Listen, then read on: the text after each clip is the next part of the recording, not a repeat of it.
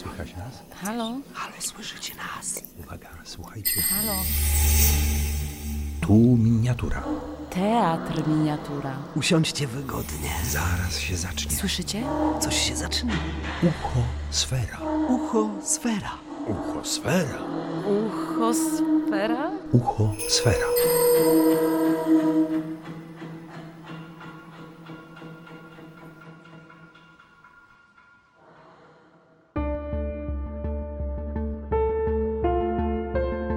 Miejski Teatr Miniatura i Radio Gdańsk przedstawiają. Juliusz Wern 20 tysięcy mil podmorskiej żeglugi. Odcinek piąty. Pogadajmy teraz tak, żeby nas nikt nie słyszał. Jesteśmy w Europie i nie czekając, aż spodoba się kapitanowi Nemo zawlec nas na morza biegunowe lub zaciągnąć znów do oceanii, wolę pożegnać się z Nautilusem. Nudzisz się na pokładzie? Żałujesz, że los rzucił cię w ręce kapitana Nemo? Otwarcie powiem, że wcale nie żałuję tej podróży pod morzami. Ale przecież raz powinna się skończyć. Takie jest moje zdanie. Bądź spokojny, Ned. Skończy się. Gdzie i kiedy? Gdzie? Nie wiem. Kiedy? Także nie wiem. Ale wiem, że wszystko, co się zaczęło, musi mieć swój koniec na tym świecie. Ja myślę tak samo. I być może, że gdy przebiegniemy wszystkie morza kuli ziemskiej, kapitan Nemo wypuści nas wszystkich trzech na wolność. Wypuści na wolność. Chyba wyprawi na tamten świat. Nie przesadzajmy, Ned. Nie mamy powodu obawiać się kapitana Nemo, ale też nie podzielam opinii Conseja. Poznaliśmy tajemnicę Nautilusa. I nie sądzę, żeby kiedykolwiek jego dowódca zdecydował się odkryć ją całemu światu, wypuszczając nas na wolność. W takim razie na co pan liczysz? Na pomyślne okoliczności, z których możemy skorzystać tak dobrze teraz, jak i za pół roku. Panie Aronax, pańskie rozważania mają tę zasadniczą wadę, że mówisz pan w czasie przyszłym. Będziemy tu, będziemy tam, a ja powiem w czasie teraźniejszym. Jesteśmy tu i trzeba z tego korzystać. Gdy nocą Nautilus zbliży się do brzegów europejskich. Chcesz wiedzieć, co myślę o twoim projekcie? I owszem, panie Aronax, Otóż myślę, że nie zdarzy się ta przyjazna sposobność. a to dlaczego? Bo kapitan Nemo wie doskonale, że nie zrezygnujemy z nadziei odzyskania wolności. Będzie się więc strzegł, zwłaszcza w bliskości brzegów europejskich. Podzielam zdanie mojego pana. Jeszcze zobaczymy. Nazajutrz postanowiłem poświęcić kilka godzin zbadaniu ryb archipelagu, gdy nagle pośród wód ukazał się człowiek. Nurek, mający u pasa woreczek skórzany. Nie był to trup, tylko człowiek żywy, który pływał zręcznie i szybko, niekiedy znikając, żeby odetchnąć na powierzchni, to znów zanurzając się w morze. Boże! Rozbitek! Kapitanie, trzeba go ratować! Osłupiałem, spostrzegłszy, że kapitan Nemo dał mu jakiś znak. Nurek odpowiedział ręką, natychmiast powrócił na powierzchnię morza i już się nie pokazał. Kapitan Nemo podszedł do szafy, otworzył ją. Była w niej znaczna liczba sztab złota. Gdzie kapitan zbierał to złoto i co zamierzał teraz z nim zrobić? Brał sztaby jedna po drugiej, układał je metodycznie, potem szczelnie zamknął kuferek i na wieku napisał adres literami, jak mi się zdawało, nowogreckimi. Po czym nacisnął guzik. Ukazało się czterech ludzi i nie bez trudności wysunęli z salonu ciężki kufer. Potem słyszałem, jak z pomocą bloku windowali go na linię po żelaznych schodach. Skąd on bierze te miliony? Takie pytanie chodziło mi po głowie, gdy poczułem, jak temperatura się podniosła. Nie można już było wytrzymać. Chyba pożar na pokładzie. 42 stopnie. Jeśli to gorąco trochę się powiększy, nie wytrzymamy dłużej. O, panie profesorze, gorąco się nie powiększy, jeśli nie zechcemy. Więc możesz łagodzić je według swego upodobania? Nie. Lecz mogę oddalić się od ogniska, które je wydaje. Płyniemy w prądzie wody wrzącej. Ściany otworzyły się i dokoła Nautilusa ujrzałem morze najzupełniej białe. Para siarkowa w kłębach dymu mieszała się z falami, które gotowały się jak woda w kotle. Dotknąłem ręką szyby, ale zaraz musiałem cofnąć. Taka była gorąca. Gdzież więc jesteśmy? W bliskości wyspy Santoryny, panie profesorze. Chciałem dać panu ciekawe widowisko podmorskiego wulkanu. A ja myślałem, że tworzenie się tych nowych wysp już się skończyło. Nie, i nigdy się nie skończy w okolicach wulkanicznych. Nie możemy dłużej zostawać w tej wrzącej wodzie. Zaraz się ugotujemy. W istocie nie byłoby to roztropne.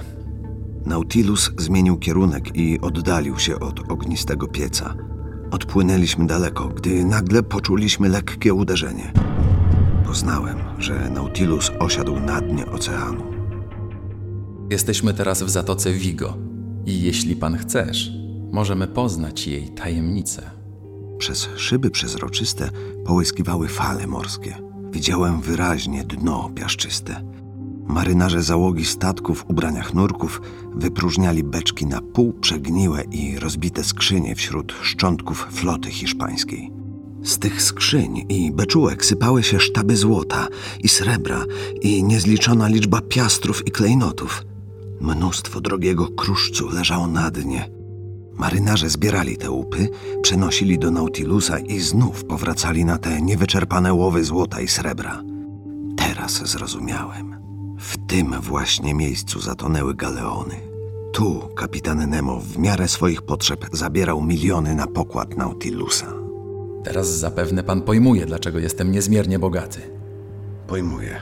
Pozwól mi jednak powiedzieć sobie, panie kapitanie, że uprzątając skarby w Zatoce Vigo, uprzedziłeś pan tylko pracę stowarzyszenia, które się w tym samym celu zawiązało, które otrzymało od rządu hiszpańskiego przywilej na poszukiwanie zatopionych galeonów. Skarby na dnie morza oceniane są na 500 milionów. 500 milionów. Może tyle było, ale już nie ma. Byłoby uczynkiem miłosiernym ostrzec tych akcjonariuszy. Zwykle gracze bardziej żałują nie tyle pieniędzy straconych, ile nadziei szalonych, które się nie ziściły. A zresztą mniej mi żal tych spekulantów niż owych tysiąca nieszczęśliwych, którym bardzo by się przydały te bogactwa stosownie rozdzielone, gdy tymczasem teraz pozostaną nieużyteczne. Kto panu powiedział, że nie robię z nich dobrego użytku? Chyba ci się zdaje, że nie wiem, iż są na świecie istoty cierpiące, plemiona uciśnione, że są biedacy, którym trzeba nieść ulgę, ofiary, które pomścić należy. Czy pan mnie nie rozumiesz? Kapitan Nemo nagle umilkł, może żałując, że za wiele powiedział. Jakiekolwiek pobudki skłoniły go do szukania niepodległości pod morzami, przede wszystkim pozostał człowiekiem. Jego serce biło jeszcze dla cierpień ludzkości.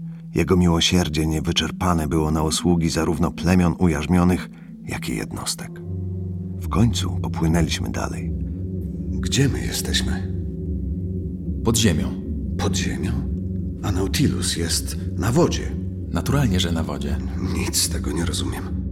Zaraz zapalę latarnię. A jeśli pan lubisz widzieć rzeczy jasno, to będziesz zadowolony. Olśniony nagłym błyśnięciem światła, zacząłem się rozglądać. Nautilus stał nieruchomy przy brzegu tworzącym jakby zatokę. Morze było w tej chwili właściwie jeziorem. To krater, niegdyś pełen lawy, gazów i płomieni. A teraz otwór odświeżający powietrze, którym tu oddychamy. Widzę, kapitanie, że przyroda pomaga panu wszędzie i zawsze. Ale na co się panu zda to schronienie? Nautilus nie potrzebuje portu. Portu nie potrzebuje, ale potrzebuje elektryczności, która mu nadaje ruch. Potrzebuje sodu i węgli kamiennych. A tutaj właśnie są pod wodą całe lasy. Skamieniałe stanowią węgiel, którego mamy tu nieprzebraną kopalnię. Tu więc pańska załoga zamienia się w górników. Nie inaczej. Przyodziani w skafandry, z motyką i szpadlem w ręku wydobywają tu węgiel, którego nie potrzebuje szukać w kopalniach na lądzie. A czy i teraz zabierzemy się do pracy? Nie, panie profesorze. Pilno mi odbyć podróż podwodną naokoło Ziemi. To też tylko wezmę zapas sodu, który mam już gotowy. Nautilus, płynąc po 55. południku, przebył południowe koło podbiegunowe. Lody otaczały nas zewsząd i zamykały widnokrąg. Jednak kapitan Nemo wślizgiwał się z przejścia w przejście i posuwał się ciągle do przodu. Dokąd on zmierza? Przed siebie. I w końcu, gdy nie będzie mógł przedostać się dalej, stanie. Nie ręczyłbym za to. Szczerze mówiąc, wycieczka ta nie sprawiała mi przykrości. Trudno wyrazić mój zachwyt nad pięknem tych okolic nieznanych. Na koniec dnia, przypuściwszy ze 20 daremnych szturmów, Nautilus został zatrzymany. Przed nim znajdowały się już nie lodowiska okrągłe lub podłużne, pola lodowe lub góry, ale tama lodowa, bezgraniczna i nieruchoma, zbudowana z gór przymarzłych do siebie. To zatoka lodowa. Wszystko tu zamarzło. Nawet dźwięk. Lód i ciągle lód, nic więcej. No, jeżeli teraz jeszcze kapitan Nemo posunie się dalej, będzie mistrzem. Nikt nie zdoła przebyć Zatoki Lodowej. Ten pański kapitan może bardzo wiele, ale do tysiąca diabłów przecież nie przezwycięży przyrody. A gdzie ona powie stój, tam już trzeba stanąć, choćby się nie chciało. I cóż, panie profesorze, co pan myśli o tym wszystkim? Myślę, kapitanie, że jesteśmy uwięzieni przez lód. A ja panu powiadam, że nie tylko Nautilus się wydobędzie, ale popłynie jeszcze dalej. Jeszcze dalej ku południowi? Popłynie do bieguna południowego. Wiesz pan przecie, że Nautilus robi to, co ja mu każę. Cóż to jest dla Nautilusa zanurzyć się na 300 metrów? Jedyną trudnością dla nas będzie zostawanie pod powierzchnią przez wiele dni bez odnawiania powietrza. Przecież Nautilus ma obszerne zbiorniki, które napełnione dostarczą nam tyle tlenu, ile będziemy potrzebowali. Dobrze pomyślane, panie profesorze. Przedstawiam tylko panu wszystkie trudności, żebyś mnie pan nie posądzał o zuchwalstwo. Widzisz pan, jeszcze inne trudności. Jeszcze jedno. Być może na biegunie południowym istnieje morze całkiem zamarzłe. W takim razie nie będziemy mogli wydobyć się na powierzchnię. Zapominasz, kapitanie, że Nautilus ma potężną ostrogę. Przecież będzie można puścić statek prostopadle ku lodowi i przebić go potężnym uderzeniem. Ho, profesorze, co za pomysły masz pan dzisiaj? Zbiorniki wody zostały wypełnione i Nautilus powoli się zanurzał. Na głębokości tysiąca stóp stanął. Jego śruba zaczęła rozbijać wodę i posuwał się prosto na północ z prędkością 15 mil morskich na godzinę. O trzeciej rano zbudziło mnie gwałtowne wstrząśnięcie. Zostałem rzucony na środek pokoju. Nautilus uderzył o dno morza i znacznie pochylił się na bok. Trzymając się przepierzenia, powlokłem się przez podłużne korytarze do salonu. Sprzęty były powywracane. Wewnątrz słyszałem szelest kroków i pomieszane głosy, ale kapitan Nemo nie pokazał się. W chwili, gdy miałem opuścić salon, weszli Ned Land i Conseil. Co się stało? Chciałem się właśnie pana o to zapytać. Do tysiąca diabłów wiem ja dobrze, co się stało. Nautilus uderzył o dno, a wnosząc z jego położenia, nie sądzę, żeby się teraz tak łatwo wywinął, jak pierwszym razem w cieśninie Torresa. Wypadek, kapitanie? Nie, panie. Tym razem nieszczęście. Nautilus osiadł na dnie? Tak, można walczyć z prawami ludzkimi, lecz nie opierać się prawom przyrody. Przewróciła się ogromna bryła, cała góra lodu. Gdy lodowce topnieją, od dołu pod wpływem cieplejszych warstw wody kruszą się, uderzając jedne o drugie i przechylają się. Jedna z takich brył, wywracając się, uderzyła w Nautilusa płynącego pod wodą. A czy nie można wyswobodzić Nautilusa, wypróżniając zbiorniki, by tym sposobem przywrócić mu równowagę? To właśnie w tej chwili się robi. Nagle dało się wyczuć lekki ruch. Znać było, że Nautilus zwolna się prostuje. Podłoga wracała pod naszymi stopami do poziomu. Wyprostowaliśmy się wreszcie. Tak, Lecz czy będziemy mogli płynąć? Nastąpiło powtórne wstrząśnienie. Tym razem z tyłu statku. Droga jest zatrasowana? tak. Lodowiec wywracając się, zatamował wszelkie wyjścia. Jesteśmy zamknięci. Tak, panowie, w takich warunkach, w jakich się znajdujemy, istnieją dwa sposoby śmierci. Pierwszy jest umrzeć zmiażdżonym, drugi umrzeć z uduszenia. Nie wspominam o możliwości śmierci z głodu, bo zapasy Nautilusa przetrwają nas zapewne. Zajmijmy się zatem wyborem między zmiażdżeniem a uduszeniem. Co do uduszenia, kapitanie, nie potrzebujemy się go obawiać, bo nasze zbiorniki są pełne. Prawda, ale za 48 godzin nasz zapas zupełnie się wyczerpie. A zatem wyswobódźmy się przed upływem 48 godzin. Spróbujemy przynajmniej przebijając otaczającą nas ścianę. Każę opuścić Nautilusa na dno lodowca, a moi ludzie opatrzeni w przyrządy nurkowe będą go rozbijać z najcieńszego boku. Moi przyjaciele, położenie nasze jest niebezpieczne, ale liczę na waszą odwagę i energię. W przeciągu 12 godzin wyrąbaliśmy warstwę lodu grubości jednego metra. Przypuszczając, że tyle zrobimy co każde 12 godzin, potrzeba było jeszcze pięciu nocy i czterech dni.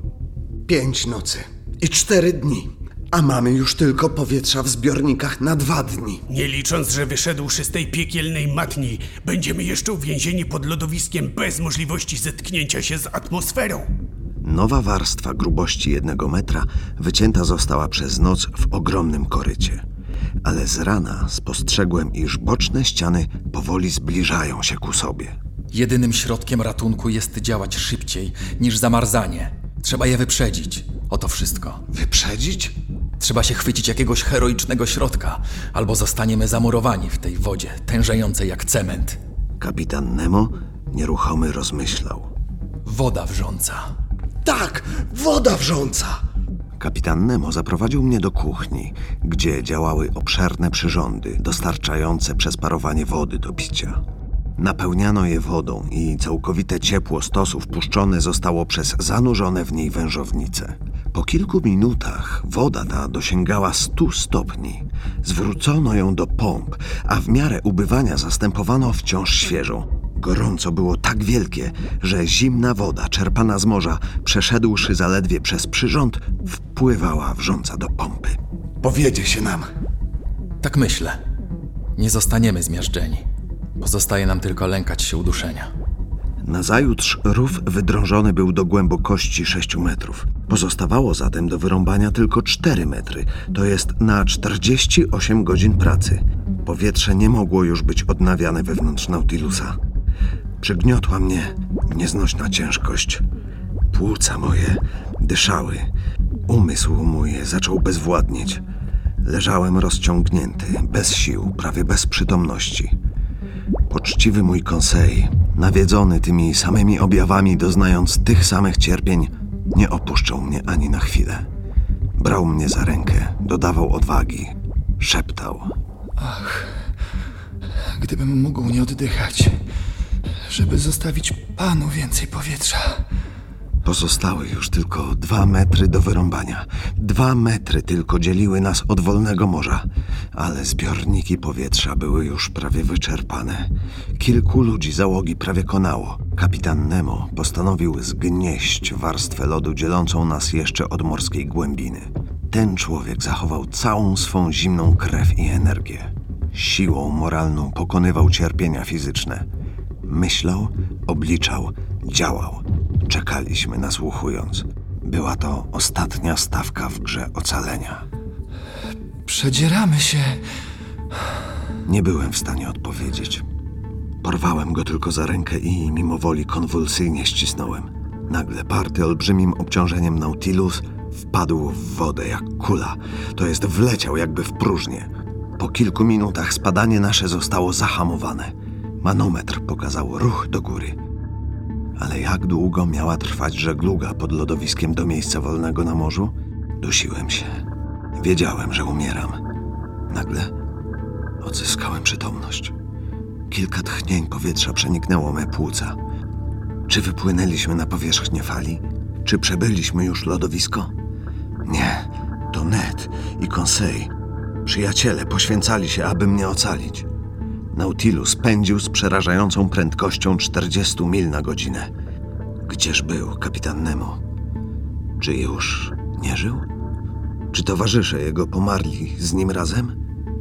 Czułem, że Nautilus przybierał prostopadłe położenie, opuszczając tył i podnosząc do góry ostrogę. Potem, pchnięty potężnym ruchem swej śruby, uderzył w spód kry, jakby olbrzymim taranem. Rozbijał ją po trochu.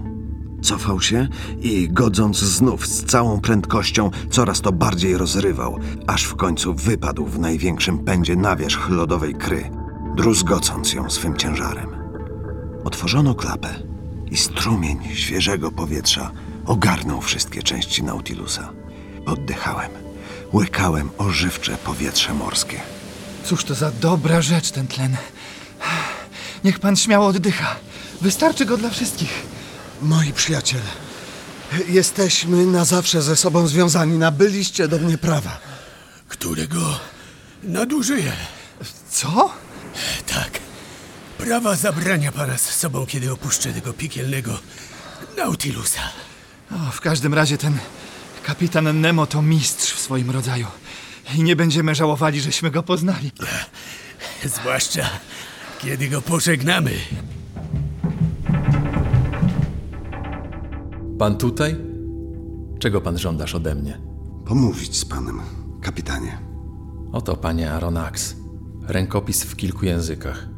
Zawiera on streszczenie moich studiów nad morzem. I jeśli podoba się Bogu, nie zginie wraz ze mną. Rękopis ten, podpisany moim nazwiskiem, zostanie umieszczony w małym, niezatapiającym się naczyniu. Ostatni z nas, ten, który przeżyje nas wszystkich na Nautilusie, rzuci ten przyrząd do morza. Rękopis powędruje, gdzie go fale poniosą.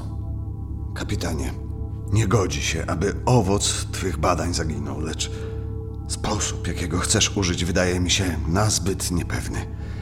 Ale ja i moi towarzysze jesteśmy gotowi przechować starannie ten rękopis i gdybyś pan zwrócił nam wolność, Wolność. Panie Aronax, odpowiem dziś panu to, co odpowiedziałem przed siedmioma miesiącami. Kto raz wstąpi na Nautilusa, ten już nie może go opuścić. ależ pan okrutną narzucasz nam niewolę. Nazywaj pan to, jak się panu podoba. Nie mam panu nic więcej do powiedzenia. Trzeba uciekać. Uciekniemy. Zdaje się, że na statku nikt już nas nie pilnuje. Jakieś odrętwienie ogarnęło wszystkich. Dziś z rana widziałem we mgle jakiś ląd, może o 20 mil od nas na zachód. Cóż to za ląd? Nie wiem, ale niech będzie jaki chce, uciekniemy. Może jest niespokojny, wiatr mocny, ale nie przeraża mnie przebycie 20 mil w lekkim czółnie Nautilusa. Umrzemy razem, kochany Nedzie. O dziesiątej księżyc jeszcze nie wzejdzie. Skorzystamy z ciemności. Przyjdź pan do czółna, ja i Konsei. Już tam będziemy. Zaczęliśmy odczepiać haki. Nagle jakiś hałas dał się słyszeć wewnątrz statku. Spostrzeżono naszą ucieczkę. Tak, Maelstrom! Maelstrom! Maelstrom! Maelstrom. Nie było straszniejszego dla nas wyrazu. Znaczył on bowiem, że znajdowaliśmy się w najniebezpieczniejszej okolicy Morza Norweskiego. Fale olbrzymie walą się ze wszystkich stron do jednego punktu i wpadają w przepaść zwaną pępkiem oceanu. Siła jego przyciągająca sięga na 15 kilometrów wokoło, a wessane bywają tam nie tylko okręty, ale i wieloryby i białe niedźwiedzie północne. Miotani niezmierną siłą w okropnym byliśmy położeniu. Trzymajmy się! W połączeniu z Nautilusem możemy jeszcze być ocalani! Czółno wyrwane zostało ze swego łożyska w boku Nautilusa i wpadło w sam środek wiru. Ja uderzyłem głową o jakiś żelazny przedmiot i straciłem przytomność. Tu był koniec naszej podróży podwodnej. Co się działo z nami tej nocy? Jakim sposobem czółno nasze wydobyło się ze strasznego wiru, melstromu? Jak ja, Ned i Conseil wyszliśmy cało z tej otchłani, nie umiem odpowiedzieć. Gdy odzyskałem zmysły, leżałem w chacie rybaka na jednej z wysp Lofotów. Moi dwaj towarzysze, cali i zdrowi, byli przy mnie i trzymali mnie za ręce. Teraz przeglądam moje notatki. Są bardzo wiernie spisane. Nie brakuje ani jednego faktu, ani jeden szczegół nie jest przesadzony. Jest to wierne opowiadanie tej nieprawdopodobnej wyprawy w głębie wód, niedostępną człowiekowi, którą postęp udostępni kiedyś dla wszystkich. Czy mi kto uwierzy? Nie wiem. Wystarczy mi, że mam prawo mówić o morzach, pod którymi w niespełna 10 miesięcy przepłynąłem 20 tysięcy mil.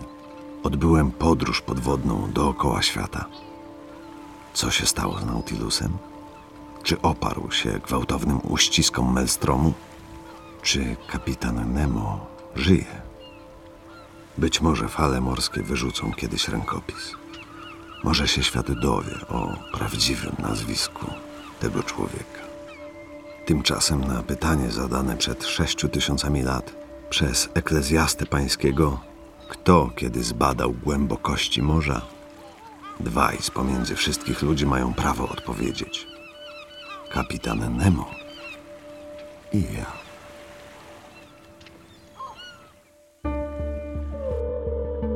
Było to słuchowisko na podstawie powieści Juliusza Werna 20 tysięcy mil podmorskiej żeglugi. Wystąpili Aronax Piotr Srebrowski, kapitan Nemo Marcin Marzec, Konsej Piotr Kłódka, Ned Land Jacek Majok, kapitan Farago Krystian Wieczyński oraz załoga i papułasi Wojciech Stachura, Jakub Erlich. Muzyka i przestrzeń dźwiękowa Piotr Pawlak. Realizacja akustyczna Stefan Kotiuk. Producentka Emilia Orzechowska. Adaptacja i reżyseria Anna Wieczór-Bluszcz. Produkcja Miejski Teatr Miniatura i Radio Gdańsk. Projekt zrealizowany dzięki dofinansowaniu Stowarzyszenia Autorów ZAIKS. Wsparcie ze środków Funduszu Przeciwdziałania COVID-19. Przyjaciel Teatru Miniatura GIFK.